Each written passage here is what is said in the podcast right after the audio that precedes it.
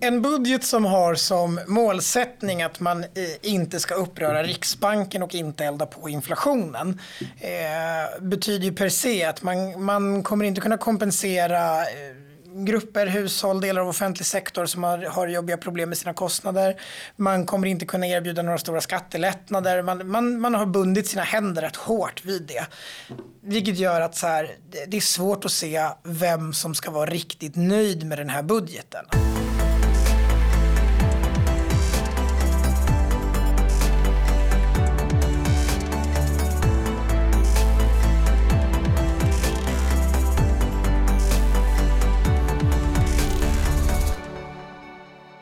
Den här veckan har vårbudgeten presenterats och med anledning av den så har vi med oss Skattebetalarnas chefekonom Erik Bengtsbo som vanligt. Varmt välkommen till Uppskattat. Tackar, tackar. Varmt välkommen tillbaka kanske man kan säga. Du har ju varit här ett antal gånger hittills. Du brukar ju komma tillbaka och prata när det är en budgetproposition, antingen på våren eller på hösten som läggs.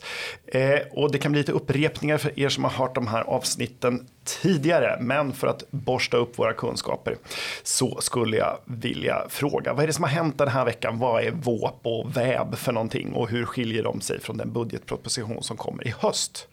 Ja, det som har hänt den här veckan är att regeringen har nu presenterat och överlämnat till riksdagen både sin vårproposition och sin vårändringsbudget. Eh, och det är de två så att säga som man, som man lägger på våren. Eh, hela budgeten, den ekonomiska politiken styrs ju, eller statens ekonomiska politik styrs ju via budgetpropositionen som läggs på hösten och beslutas före jul. Eh, och den sätter ju egentligen ramarna för både vilka skatter man ska ta ut och vilka kostnader man ska ha under hela kommande året. Så att budgeten för 2023 sattes ju i december 2022 och det är egentligen den som gäller.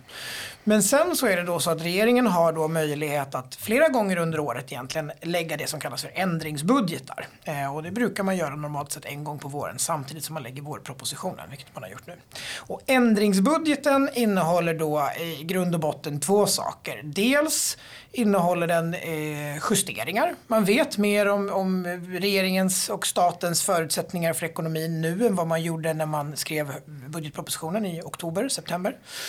Så att man vet helt enkelt mer om hur skatteintäkterna utvecklas, hur kostnaderna utvecklas. Eh, och en hel del saker i det är så att säga saker man inte kan kontrollera egentligen. Eh, utan förändringar som sker i samhället eh, och som kanske är kopplade till liksom stöd eller ersättningar och annat som är liksom rättighetsstyrda. Som du helt enkelt inte kan, kan budgetera och styra över på det sättet. Utan kostnaderna kan bli både högre och lägre än vad man har trott. Just du får lite ny information helt enkelt vart efter året löper. Exakt, och då uppdaterar man helt enkelt budgeten och gör ändringar. Eh, men ändringsbudgeten innehåller också möjligheter att faktiskt göra nya satsningar och komma med nya förslag. Eh, och i den här ändringsbudgeten så förändrar man budgeten med ungefär 4 miljarder miljarder. Eh, och ungefär 2,5 miljarder av det är det som skulle gå att kalla för satsningar eller så att säga ny politik eller förändringar man gör som inte bara är uppräkningar eller justeringar. Och förlåt, eh, vad sa du, 4 miljarder och det är på en total av? Av 1300 miljarder. Ja, så det är inte mycket alltså? Nej, det är inte särskilt mycket. Utan det är en, en, en rätt begränsad del vi pratar om här. Eh, dessutom så, så lägger man då en vårproposition. Eh, och vårpropositionen är ett dokument där man beskriver eh, regeringens ekonomiska politik. Och det kan man se som en förberedelse för budgetpropositionen i höst. Eh, där, där går man igenom hur liksom Finansdepartementet och regeringen ser på hur ekonomin utvecklas, eh, vad man kommer vilja prioritera framgent. Det kan vara antingen rätt detaljerat eller lätt, lätt, all, lätt löst och allmänt hållet. Eh, och där kan man också då avisera en del saker som man tänker sig ska liksom ut på remiss och behandlas och utredas inför då, så att säga, den ordinarie budgetprocessen i höst. Och bägge de här två eh, kommer samtidigt och de kom eh, måndagen den här veckan. Mm. Just det, och man brukar lite slarvigt prata om vapen när man också då menar den här så kallade väben. Man brukar prata om, slå ihop dem och egentligen bara prata om vapen så det kan vara lite förvirrande. För jag tänkte säga oftast brukar det vara tvärtom till och med att man, man pratar om väben men man säger vapen. Precis, ja. precis, precis. Det här är den första vårändringsbudgeten för den här regeringen och man hade ju ganska kort om tid i höstas märks det att det att det är mycket korrigeringar man gör och många nya bedömningar. Nej, det är inte särskilt många nya bedömningar som görs och det är inte några, några stora förändringar som görs heller. Eh, och så att säga, vårändringsbudgeten är ju egentligen inte utrymmet att göra det. Alltså, vi har lite grann fått en, en förvirrad begreppsvärld de senaste åren, inte minst under liksom covid-pandemin, men också med valår i fjol, att vårändringsbudgeten innehåller oerhört stora mm. summor. Eh, och det är tiotals miljarder, det är 30-40 miljarder ibland som liksom roterar i, i nya satsningar. Och det är ju egentligen inte det normala. Det normala är ju att vårändringsbudgeten är, är begränsad. Att det är så att säga, budgetpropositionen på hösten som man, man tar de stora frågorna. Mm. Ehm, och i den här vårändringsbudgeten är det, inte, det är inte några enormt stora justeringar. Man flyttar på några utgiftsområden, man byter namn på några saker, man uppdaterar lite kostnader. Ehm, och sen gör man ju då satsningar eller förändringar på ungefär 2,5 miljard. Mm. Eh, som ju är då så att säga renodlade saker. Men i övrigt så är det inte så stora förändringar och eh, vårpropositionen som ju då pekar ut riktningen för eh, regeringens arbete framåt och vad man ser sig kunna komma liksom i budgetpropositionen i höst eh, är inte heller enormt detaljerad utan den är rätt nära Eh, budgetpropositionen från i höstas och Tidöavtalet när det gäller synen på hur den ekonomiska politiken och hur de offentliga kostnaderna ska prioriteras. Det är några förändringar. Man konstaterar att man ska remittera ett, ett förslag om att slopa eller sänka plastpåseskatten, att det ska komma så att säga till budgetförhandlingarna i höst i alla fall. Eh, man skärper tonen en del när det gäller så att säga effektivisering av offentlig förvaltning och se över både antalet myndigheter och myndighetsuppdrag som är liksom, så att säga, lite tydligare framhållet får man lov att erkänna. Men i övrigt så är det inte jättestora förändringar. Nej, det var ingen bladvändare här alltså? Eh, nej, det gick tämligen snabbt att gå igenom om man ska vara mm, mm. eh, Vad präglas eh, den här webben av då? Vad, vad finns det att säga? Vad, vad är det som lyser, lyser fram för ett, en bild av Sverige när regeringen får Eh, prognostisera? Nej, men det som är, är väldigt tydligt här är att det är ju inflationsbekämpningen som står i centrum för budgeten och det är uppenbart att regeringen och regeringspartierna eh, inte eh, vill eller vågar göra förändringar som skulle riskera att driva på inflationen och hetsa Riksbanken att höja räntan mer än, än, än, än nödvändigt. Så att, eh, den innehåller inte särskilt mycket, den innehåller några små förändringar eh, och där de till största del också handlar om just åtgärder som på något sätt ska bemöta eller hantera den krisen som man befinner sig i när det gäller inflationen.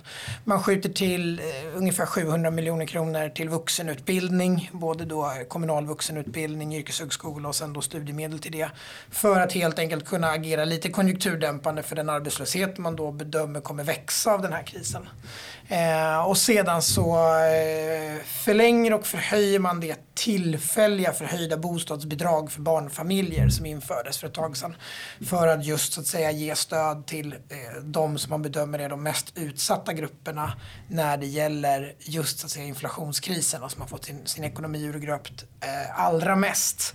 Eh, eftersom att eh, den som, den som lever på garantipension eller på någon form av, av ersättning, ekonomiskt försörjningsstöd eller liknande kompenseras ju för den höjda inflationen redan i sitt försörjningsstöd och sin garantipension. De skrevs ju upp rätt kraftigt vid nyår vilket inte minst gjorde en del kommunalråd av alla möjliga olika färger rätt upprörda för att det driver ju då på, på socialbidrags eller ekonomiskt försörjningsstödskostnaden i kommunerna rätt kraftigt.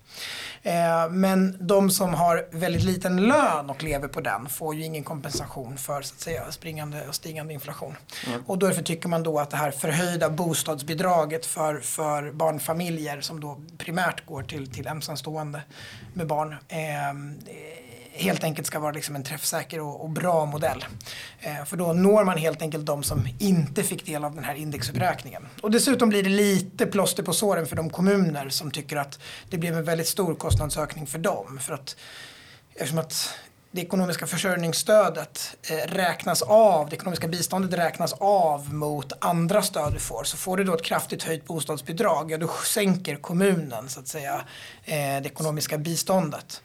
Eh, vilket såklart gör många upprörda när de förväntar sig att de då ska få, få mer pengar i plånboken. Men man fick ju då istället en indexuppräkning vid, vid årsskiftet via budgeten istället, budgetpropositionen.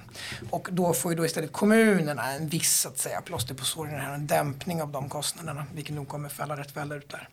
Och sen är det då utöver det är det också då ytterligare medel till Försvarsmakten. Eh, och ytterligare lite medel till, eh, ja det är 700 miljoner ungefär till Försvarsmakten. Mm. Och sen är det ungefär 350 miljoner till Ehm, rättsvårdande instanser, primärt kriminalvården.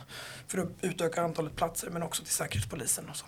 Mm. Och, det är, och det är de... de stora bitarna i ändringsbudgeten. Ja, och som sagt, 4 miljarder är inte så där rasande mycket pengar när man ska Nej, och, ut det så här. Nej, och en och en halv av det är ju justeringar, så det är då två och en halv. Och primärt då de här tre områdena som är liksom de stora, de stora förändringarna. Så det är väldigt tydligt att finansministern vill hålla hårt i plånboken. Man vill inte göra någonting som riskerar att göra framförallt Riksbanken då irriterad och som inte heller riskerar att driva på inflationen. För det är klart att det finns väldigt många som, som eh, just nu har det tufft, inte minst offentliga verksamheter som, som upplever att man, man har liksom svårt att få ihop årets budget.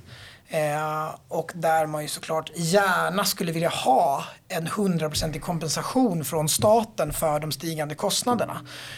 Men problemet är att om staten skulle kompensera alla för de stigande kostnaderna, ja då skulle man ju bara elda på inflationen ännu mer. För då skulle så att säga, då finns det inget stopp på inflationen. Och dessutom finns det några andra som inte kan få kompensation för sina höjda kostnader. Det är hushåll och företag och de skulle då tvingas betala, inte bara små, mindre marginaler utan också betala högre skatter för att finansiera en offentlig verksamhet som ska stå intakt. Ja, eller så skulle de också kräva sänkta skatter för ja. att kompenseras för de så att säga höjda kostnader man har eh, och då skulle ju så att säga den, den offentliga ekonomin liksom inte skulle kunna gå ihop sig.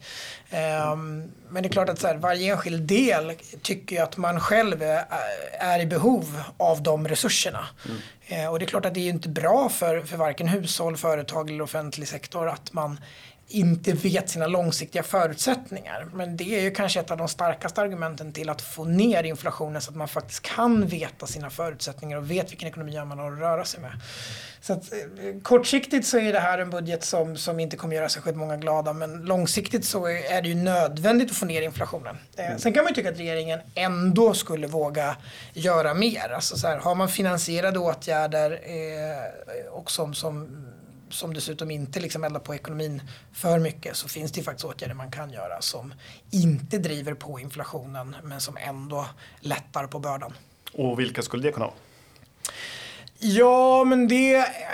Dels så handlar det ju om man skulle kunna lätta på skatter som direkt dämpar inflationstrycket utan att öka på efterfrågan. Alltså helt enkelt kan du göra saker som har blivit dyrare billigare utan att för den saken skulle göra så att folk vill handla mer av det.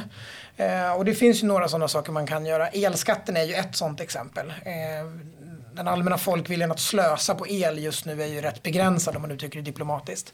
Så skulle man sänka elskatten så skulle det inte ha någon särskilt stark påverkan på, på behovet av el eller efterfrågan på el. Men det skulle sänka kostnaden och därmed så att säga, faktiskt bidra till att dra ner inflationstrycket. Um, en annan sak som har lyfts fram och som bland annat Konjunkturinstitutet också lyfter fram är att arbetsgivaravgiften är också ett sådant exempel där inflationsdrivande effekten av sänkta arbetsgivaravgifter är liten eller obefintlig. Medan det finns då å andra sidan positiva tillväxteffekter av att sänka arbetsgivaravgiften även om de också är små. Så man skulle då kunna sänka arbetsgivaravgiften som ett exempel utan att vara särskilt inflationsdrivande. Så att det är väl de två sakerna som ligger absolut närmast till hands. Men det förutsätter ju att man också tycker att det är bra politik. Mm. Eh, att höja och sänka elskatter eller arbetsgivaravgifter som någon form av, av inflations eller konjunkturpolitik är ju rätt dåligt. Men om man långsiktigt vill sänka arbetsgivaravgifterna. Vilket ju är bra. Vilket ju vore mycket bra. Eh, så är det här ett bra tillfälle att göra Just, det. Men det, det förutsätter ju att det är ditåt man vill. För ja. annars bidrar det bara till en ryckighet och en förändring i prisbild som gör att då får ju den inflationen ett annat tillfälle istället. Ja. När det gäller elskatten exempelvis. Men en, en, eh, en regering som, som lutar lätt åt höger borde ju det här vara intressant för, kan man tycka. Ja, absolut. absolut. Och sen, alltså, det finns ju såklart också skäl att titta på och försöka försöka balansera vad är inflationsdrivande och vad är också tillväxtskapande och hitta en bra balans i det. Eh, att att underlätta, underlätta ekonomin för de hushållen som har absolut tajtast marginaler just nu eh, är ju direkt nödvändigt för många. Mm. Eh, och att då titta på liksom skattelättnader kanske inte så brett för det skulle kunna vara inflationsdrivande skulle man argumentera för. Ja men för de med de absolut lägsta inkomsterna så skulle ju det kunna vara ett alternativ till att höja bostadsbidrag exempelvis. Även om träffsäkerheten blir lite sämre. Ehm, och därmed inte blir särskilt inflationsdrivande även fast du då så att säga stöttar de hushållen som behöver det mest. Och man skulle ju kunna se över lite sådana andra saker också. Mm. Du eh, har ju skrivit en analys av budgeten på vår hemsida där du uttrycker att tiden börjar bli knapp för regeringen om betydande reformer för ökad tillväxt eh, ska till. Eh, vilka reformer är det du åsyftar och varför är tiden så knapp? Ja, men Sverige är ju i behov av strukturreformer för att göra svensk ekonomi eh, starkare. Alltså vi har idag EUs lägsta tillväxt eh, sett per capita. Vi har de senaste årtiondena halkat efter i välståndsligan. Eh, och vi eh, har en ekonomi som i mångt och mycket har en tillväxtkraft som fortfarande är baserad på reformer som gjordes på 90-talet eller tidigt 2000-tal. Eh, och det börjar bli eh, dags att, så att säga, frigöra fler delar av ekonomin för att det ska bli möjligt för svensk ekonomi att växa och för att vi alla därmed ska kunna bli rikare. Alternativet är bara att vi slåss om att dela på samma kaka som redan finns och det är ju inte en särskilt attraktiv framtid att leva i. Så att vi skulle ju behöva göra reformer både för att göra det mer lönsamt att arbeta, göra det mer lönsamt att starta och driva företag, göra det mer lönsamt att anställa personal och växa som företag. Eh, vi skulle behöva göra reformer eh, för att stärka eh, forskning och utbildning på lång sikt. Vi skulle behöva göra reformer för att göra arbets eller bostadsmarknaden mer funktionell för arbetsmarknadens skull så man kan flytta dit jobben finns. Eh, och regeringen har ju också själv definierat att man vill se över både tillväxtfrämjande reformer när det gäller arbete och företagande. Och man har också konstaterat att man behöver se över reformer när det gäller hur liksom svenska bidrag är utformade för att säkerställa att det finns enkla drivkrafter för fler att komma i arbete och se till att man låser upp de knutar som ändå finns där människor faktiskt låses in i någon form av bidragsberoende mot sin vilja som vi vet är oerhört destruktivt. Mycket av det här har regeringen redan identifierat och säger att man vill göra. Eh, men ska man hinna göra det innan nästa riksdagsval eh, så behöver ju den typen av reformer börja konkretiseras. Och nu var det knappt tid i höstas eh, och rätt så brådis med att få ihop så att säga, en budget i samband med regeringsbildning och dessutom under pågående kris som kräver att man hanterar det. Nu befinner vi oss fortfarande kvar i den här inflationskrisen och som vi inte riktigt vet vart den tar vägen. Vi vet att Sverige kommer gå in i en lågkonjunktur, vi vet att arbetslösheten kommer att öka. Eh, och därmed kommer behovet av, av strukturreformer att stärkas. Dessutom vet vi att regeringen valde i budgetpropositionen i höstas att exempelvis då bibehålla den förhöjda nivån i a-kassan som vi vet då motverkar drivkrafter till arbete. Och det gör det ännu mer eh, relevant att faktiskt komma med reformer som gör det mer lönsamt att arbeta för att kompensera för det. Men Eh, det fanns inte med i budgeten i höstas, det finns inte med nu. Eh, det finns inte heller så tydligt definierat i vårpropositionen så att det är så att det, det är mm. ingenting som kommer gå ut på remiss nu snart och vara med i budgetpropositionen garanterat i höst. Utan det här är då så att säga saker som ska tröskas igenom. Först ska man så att säga få ihop de här reformförslagen i sak. Eh, sedan ska det då utredas och ut på remiss och sedan ska det då beslutas av riksdagen. Eh, och när vi då kommer till budgetproposition i höst då har ett av regeringens fyra år redan gått. Så ska man hinna få flera sådana stora reformer på plats och, och hinna helst få dem, få dem att verka innan ett riksdagsval, vilket jag misstänker att regeringen är intresserad av. Då börjar det bli dags att, eh, att lägga i liksom en högre växel. Och, och det är klart att på Finansdepartementet så kan jag inte tänka mig något annat än att man har fullt sjå med att hantera den inflationskrisen som vi befinner oss i. Och det är jobbigt att lyfta blicken och då samtidigt göra en massa andra saker. Eh, men det är ju det som är nödvändigt. Mm. Ja, man kan inte bara liksom ösa vatten ur båten, man måste också täta hålen. Ja, eh, och, och, börja ro. Och börja ro, helt riktigt. Eh, vad beror den här, är det helt enkelt för att man är så upp upptagen med andra akuta frågor som den här paralysen på, på andra områden? Är det därför vi ser den? Det finns nog eh, en rad samverkande faktorer för det. Eh, många av dem eh, reformområden man vill, vill göra och som finns med i Tidöavtalet är rätt diffust formulerade där i. Det kan ju bero på att man vet så extremt tydligt i de här fyra partierna eh, som utgör regeringsunderlaget vad man vill göra så att man inte ens upplever att man behöver skriva ner det. Men det kan ju också vara så att man faktiskt inte vet riktigt så tydligt vad man vill göra eh, eller exakt hur man ska utforma det. Um, så det är ju fyra partier som ska komma överens och man ska komma överens om en problembild och man ska hitta vägen framåt för, för att liksom göra lösningar på det. Ehm, samtidigt som man då ska liksom hantera allt annat. Så att inflationskrisen och att man har varit tvungen att fokusera på andra saker eh, bidrar säkert. Sverige är dessutom ordförande i EU den här våren vilket gör att väldigt mycket av, av resurser för regeringen läggs i den riktningen. Ehm, men, men desto mer väl förberedd man är och desto mer samspelt och samtalade man är, desto lättare är det att komma till skott. Eh, och hur det ser ut på de enskilda områdena, ja det får ju regeringen egentligen svara för. Men, men man behöver komma längre, det är bara att konstatera. Mm. Nej, och det, man kan väl konstatera det, det är väl eh, en bild som många delar med mig. att Eh, Eh, regeringarna, eh, alliansregeringen mellan 2006 och 2014, de fick ganska mycket gjort första mandatperioden och sen hände inte riktigt lika mycket andra mandatperioden och nu händer det inte så mycket ens första mandatperioden så får man se om det blir den andra. Det är lite oroväckande att man inte har en, ett högre reformtempo kan man säga. Eh, vissa har uttryckt sig eh, väldigt kritiskt om den här budgeten eh, och eh, mer eller mindre antydit att det skulle lika gärna kunna ha varit en socialdemokratisk regering som kunde ha lagt den. Eh, du har skrivit i din analys att det inte är en särskilt publikfriande budget vad menar du med det? Nej men alltså en budget som har som målsättning att man eh, inte ska uppröra Riksbanken och inte elda på inflationen. Eh, betyder ju per se att man, man kommer inte kunna kompensera eh, grupper, hushåll, delar av offentlig sektor som har, har jobbiga problem med sina kostnader. Man kommer inte kunna erbjuda några stora skattelättnader. Man, man, man har bundit sina händer rätt hårt vid det. Vilket gör att så här, det är svårt att se vem som ska vara riktigt nöjd med den här budgeten. Alltså, Tillhör man, tillhör man den, de, de barnfamiljer som får ta del av det förhöjda tillfälliga bostadsbidraget, ja då kommer det ha en, en, en substantiell påverkan på sin hushållsekonomi. Absolut. Eh, och det är väl då så att säga någon som, som kan vara glad. Eh, men i övrigt så är det väl primärt riksbankschefen eh, som tycker att det här är liksom en toppenbudget där man, man håller sig liksom väldigt tydligt inför ramarna. Men, men den borgerliga väljare som vill se kraftigt sänkta skatter, eh, den, den mer vänsterlutande fortfarande väljaren som tycker att krisen är ett bra tillfälle att skjuta till mer pengar till offentlig sektor eller som vill se ett större ekonomiskt offentligt antagande. Jag har ju, har ju svårt att bli, bli nöjd med detta så att säga. Däremot så gör ju regeringen i grova drag ändå det man har sagt att man ska göra. Så man sa att man ska inte göra någonting som, som riskerar inflationen. Man ska försöka ge stöd till de mest utsatta och i övrigt så vill man prioritera liksom försvar och polis. Och det är också där man lägger de pengarna man väl lägger. Mm. Stabilt som Dr. Alban hade sagt. Eh, ja, men inte särskilt sexigt. Nej, det är inte så sexigt.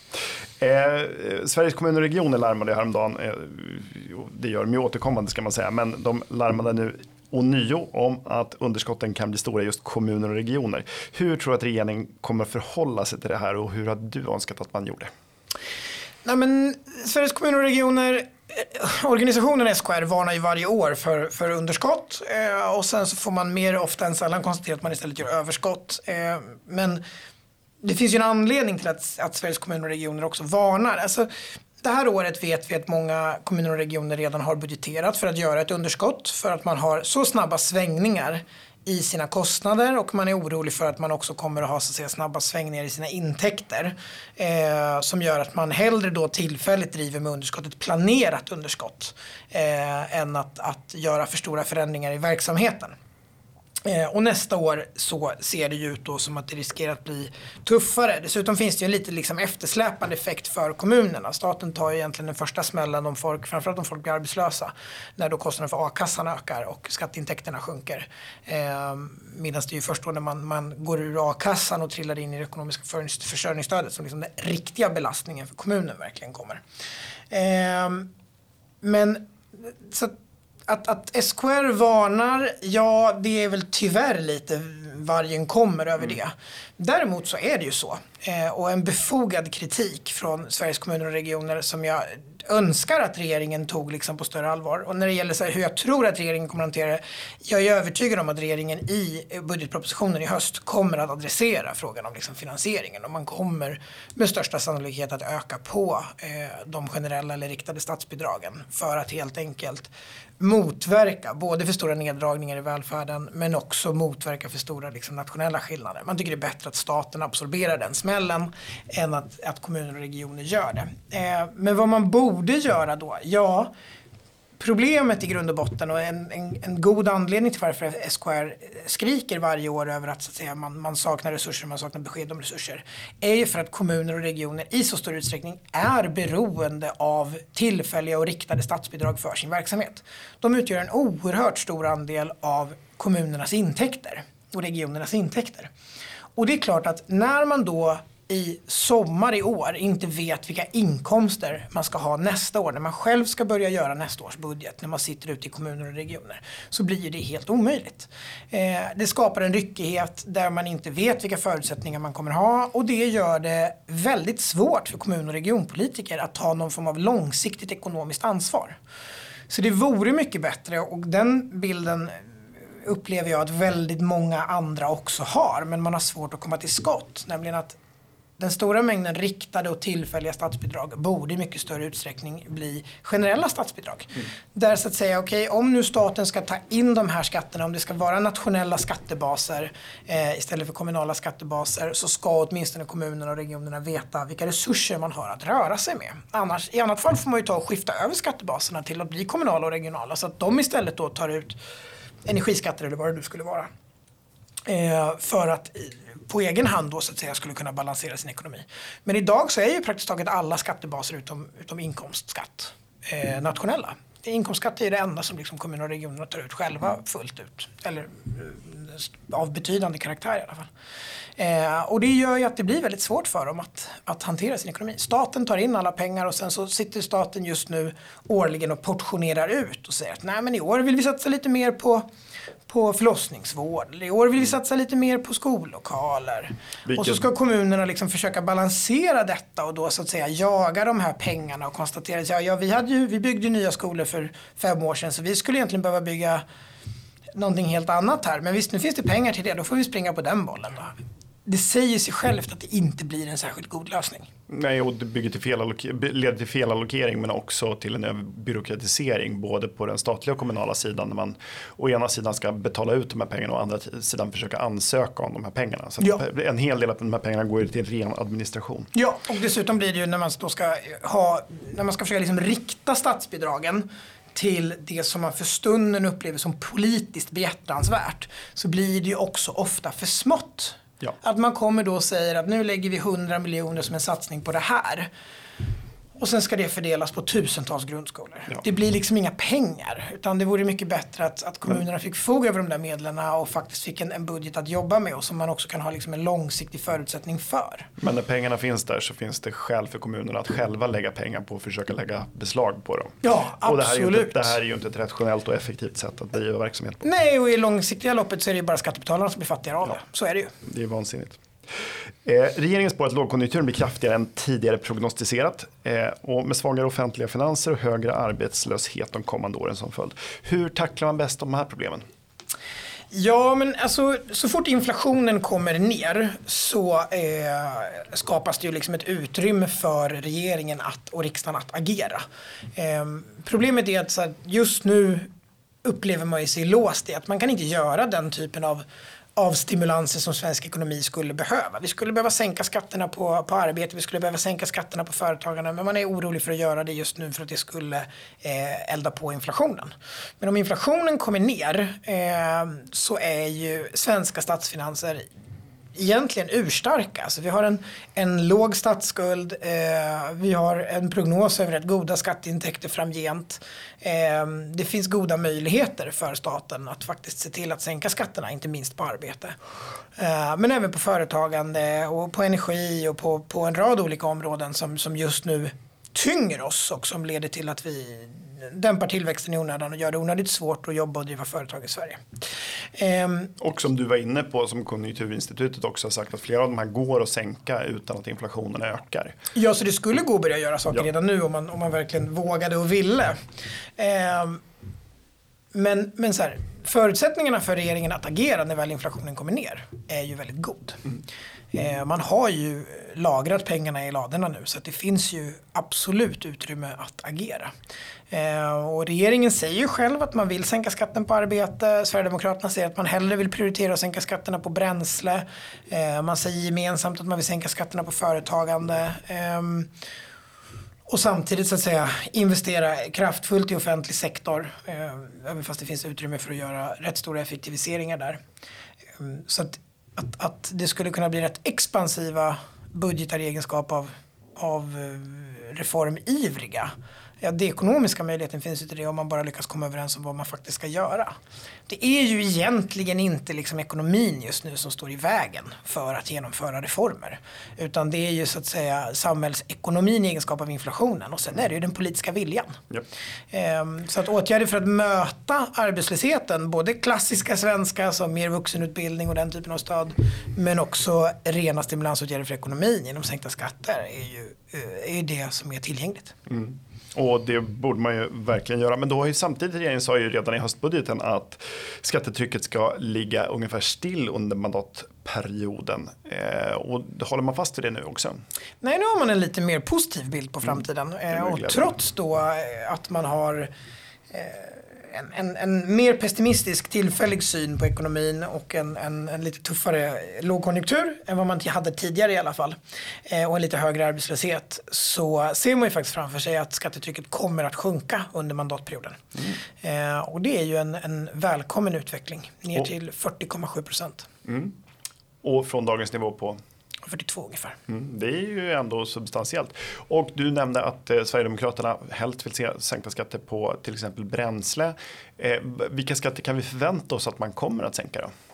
Alltså det man har varit tydliga med i Tidöavtalet är ju sänkt skatt på arbete, inte minst då på, på lite lägre inkomster. Man har också varit tydlig med att man vill eh, få till sänkta skatter på företagande. Man la ju 7 miljarder i budgeten i höstas på sänkta skatter på drivmedel och det har man ju sagt att man vill dessutom få till lägre kostnader genom att förändra reduktionsplikten. Man har också sagt att man vill sänka skatterna på sparande och då eh, mer specifikt pekat ut ISK. Mm för att göra förändringar där, för att göra det mer lönsamt att spara. Eh, så att man har ju en, en, en, rätt, eh, en rätt gedigen önskelista. Dessutom har vi ju en, en rad undliga punktskatter i Sverige som är mer av symbolkaraktär än att de faktiskt fyller någon riktig funktion. Som till och med i, i viss mån får bedömas vara skadliga snarare än, än positiva. Eh, åtminstone när det gäller samhällsekonomin, även om de kan dra in vissa pengar till staten, som ju också borde liksom slopas och som ju regeringen ofta eh, delvis är rätt överens om, i allt från plastpåseskatt till kemikalieskatt, flygskatt och andra saker. Eh, men sen ska man också komma överens om vad man ska göra. Mm. Eh, och under hanteringen av, av budgetöverlämningen i måndags så, så konstaterade finansministern att man vill sänka skatten på arbete så fort som det är möjligt. Då konstaterade istället Sverigedemokraterna att man vill helst prioritera eh, att sänka skatten på drivmedel, till och med framför att sänka skatten på arbete. Eh, vi hade ju en, en, en undlig diskussion här runt påsken där, där eh, det var lite oklart hur de olika regeringspartierna ser på plastpåseskatten. Eh, om den ska bort eller om den ska sänkas. Om det är klart eller om det inte är klart. Så det är inte en helt, det är inte en helt övertygande debatt som pågår mellan Tidöpartierna över vad vi kan förvänta oss som kommer. Att det blir skattesänkningar, ja. Eh, vart de riktigt kommer prioriteras och hur de riktigt kommer se ut. Det är lite mer oklart. Och vad är det här som är liksom en förhandlingsmån mellan partierna och vad som är, är riktiga meningsskiljaktigheter? Ja, det tycker jag just nu är rätt oklart. Eh, vi har ju dragit en lans för de, eh, de som är födda 1957 och som har hamnat i saxen. Eh, kan du kort beskriva hur, vad, har, vad är problemet för de som är födda 1957? Det som är problemet för de som är födda 1957 är att eh, när man nu har gjort om eh, och justerat åldersgränserna i pensionssystemet och också då de medföljande skatteåldersgränserna eh, eh, så är det så att de som är födda 1957 i år räknas som pensionärer men de beskattas inte som pensionärer. Vilket gör att den 57 som, som fortsätter att arbeta och inte har gått i pensionen men som hade räknat med att man skulle få det förhöjda eh, grundavdraget för alla som är över 65 eh, missar det och får inte den, den, den boosten helt enkelt. Eh, och det blir inte mer lönsamt att arbeta utan de ligger ungefär kvar där man låg i fjol. Och den eh, 57 som har bestämt för att gå i pension och meddelat det och till och med redan börjat ta ut sin pension Eh, och som hade räknat med att man skulle få det förhöjda grundavdraget som gäller för de som är pensionärer. Eh, får inte det förhöjda grundavdraget utan det får man då från och med nästa år istället. Vilket gör att de då får en, en höjd skatt motsvarande ett helt jobbskattavdrag. Så det är i runda slängar 30-35 000 kronor per år beroende på vad man har för inkomst. Ehm, och det här var ju då eh, en följd av eh, ett beslut från den förra regeringen som baxades igenom i riksdagen. Ehm, där man då tog alla de här justeringarna och åldersgränserna där det då sker en förändring då nu 1900, eller 2023 och en förändring sker då 2026. Och sedan så ska man då ha en riktålder som kommer följa, följa med så att säga årligen. Ehm, men som gjorde att då 1957 hamnade i kläm. Eh, och den nya regeringen har än så länge inte velat eh, lägga några pengar och resurser på att korrigera detta och hantera detta. Och problemet är att det här beslutet kom också väldigt nära inpå i år. Vilket gör att väldigt många som är födda 57 hade antingen, alltså, det, det kan ju vara så att man fortsätter arbeta men har planerat sin hushållsekonomi efter att man skulle ha 3000 mindre i skatt i månaden än vad man faktiskt har. Eh, men också många som har gått i pension och gjort en kalkyl av att så här, jag går i pension och jag kommer få ut den här lönen och det blir den här, eller den här pensionen och det blir den här pensionen efter skatt. Eh, har då kanske en pension efter skatt som är 2-3 tusen lägre än vad man hade räknat med. Um, och när den typen av förändring kommer så pass sent att det kanske inte ens är ett alternativ att vara kvar på sin arbetsplats för man har redan sagt upp sig och man är kanske redan pensionerad och det är någon annan som har kommit in och sådär. Uh, är ju väldigt oturligt och såklart någonting som gör väldigt många upprörda. Uh, och så stora förändringar som har sån enormt stor påverkan på hushållsekonomin. För en så specifik grupp dessutom. För en så spe alltså är du ett par som är födda 57 så kan det liksom vara 70 000 kronor på ett år. Mm. Uh, det är ju enormt mycket pengar. Um, och det, det, det borde finnas en bättre framförhållning. Man borde kunna lita bättre på skattesystemet i Sverige och på, på kloka riksdagsbeslut än att bli utsatt för det. Men i, i vårändringsbudgeten och i vårpropositionen så, så finns det inga eh, tecken på att den nya regeringen heller har landat i att man ska ta tag i detta. Jag noterade att det dök upp eh, runt budgetdebatten medialt i måndags. Eh, och man, man sa väl från, från vissa företrädare från regeringspartierna att, att där får man väl ta och titta på mot budgetprocessen i höst i sådana fall. Det är lång tid för folk att vänta som, som sitter trångt till. Det är lång tid att vänta på besked, mm. onekligen. Och det är ju någonting som, som folk är frustrerade över. Och... Som hör av sig till oss i föreningen praktiskt taget dagligen och är arga eh, ja, över vad, hur detta är. Liksom. Mm. Ja, och det är faktiskt eh, förjäkligt rent sagt. Och vad skulle det kosta att korrigera det här? Ja, det beror lite grann på vad liksom lönesumman och pensionssumman blir för de som är födda 1957. Men det handlar om någonstans 3-4 miljarder. Så det är inte någonting som kommer att gräva djupa hål i statsbudgeten? Nej, ja, det är en vi får, fortsätta, vi får fortsätta ligga på inför eh, budgeten som kommer i höst och se till att det blir en, en ändring då. Eh, om vi då byter spår lite. Sverige har ju väldigt många myndigheter och vi är ju många som skulle se att man bantade kanske inte i första hand antalet myndigheter utan omfånget totalt, alltså inte i antal utan deras uppdrag. Eh, har regeringen några avslöjanden där? Ja men där är ju en, en förändring i vårpropositionen som aviseras inför liksom det framtida ekonomiska arbetet eh, och inför budgetpropositionen. Nämligen att man, man ser ett behov av att se över liksom offentlig sektors effektivitet och när det gäller just så att säga, våra myndigheter. Har vi, har vi verkligen fog för att ha så många myndigheter som vi har? Eller har vi i realiteten lite för många och har de verkligen de uppdragen de borde ha eller borde det finnas att slimma där? Eh, och det är ju mycket välkommet. Det är mycket välkommet överlag för Sverige har oerhört många myndigheter som är kostnadsdrivande i sig bara genom att ju fler myndigheter du har desto fler generaldirektörer, desto fler eh, administrativa hanteringar av det och det ska vara liksom kontor och det ska vara liksom allt detta runt omkring. Där helt enkelt det är dyrare att driva två myndigheter än att slå ihop det till en myndighet. Men det är också så att alla verksamheter har en tendens att alltid liksom svälla och växa med den ekonomi man har när man har förutsättning att göra det. Får ett större inflytande ju fler du har anställda och ju större budget du har. Du kan få ut mer saker när du är fler anställda. Det finns ju naturlig drift att öka en myndighets omfång hela tiden. Ja absolut och de flesta av oss känner ju också på våra arbetsplatser när man arbetar att man skulle kunna göra mer. Ja, om du hade mer resurser. Hade man lite fler kollegor, hade man lite mer resurser att köpa in den typen av tjänster man behöver så skulle man kunna göra mer och leverera mer. Och det gör ju att, att säga, när det finns utrymme så sväller ju alltid alla verksamheter. Och sedan kommer man till en punkt där man då kanske inte alltid riktigt har koll på alla saker man gör och där man kanske inte riktigt levererar valuta till skattebetalarna för alla saker man gör. Och egentligen är inte det där så himla mycket svårare än en, en egen hushållsekonomi. Även om det är alltid livsfarligt att jämföra hushållsekonomi mm. med offentlig ekonomi och det kommer alltid massa nationalekonomer då ska förklara för en varför man har fel. Men egentligen är det inte så himla mycket konstigare. Alltså, när man har goda tider och när ekonomin är stark, ja då kan man unna sig att vara lite slapp slarvigare om man ska vara helt ärlig. Eh, och sen när det blir lite tajtare tider, ja då är det dags att se över vad man faktiskt lägger sina pengar på. Då kanske man konstaterar att man har fyra olika streamingtjänster. Man kanske skulle klara sig med en eller två. Det hade ju alltid varit bättre att dra ner ja. på det. Det hade alltid varit bättre för sin egen hushållsekonomi.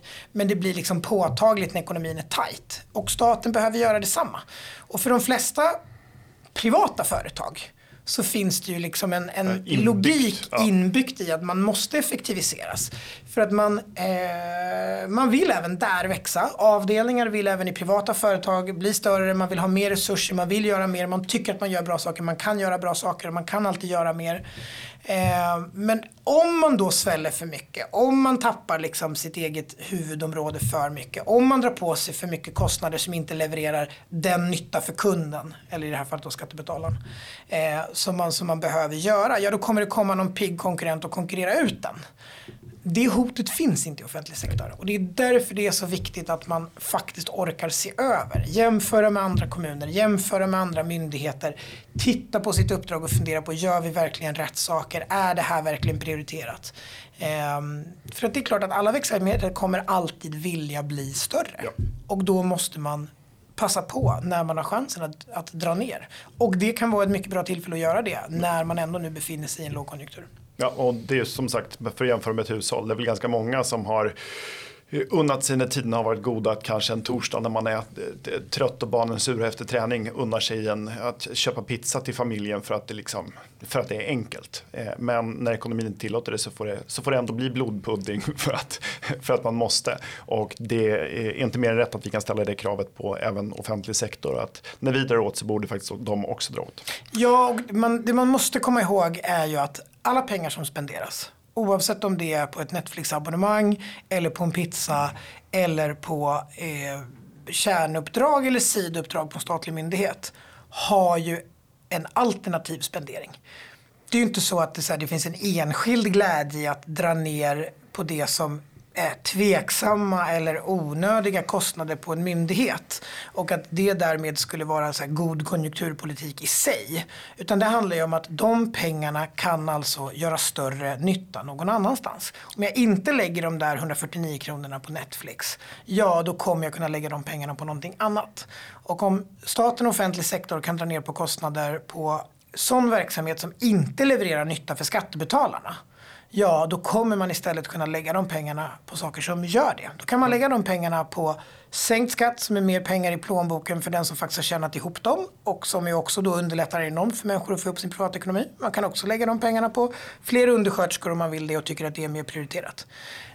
Um, så att allting har ju alltid en alternativ nytta och det är det man måste komma ihåg. Att så här, det, det, det, är inte så att svenska myndigheter sitter och gör en massa onödiga saker bara för sakens skull. Det är bara att pengarna skulle kunna göra större nytta någon annanstans. Ja, helt rätt. Eh, är det något annat vi har glömt att säga om, om eh, vårändringsbudgeten?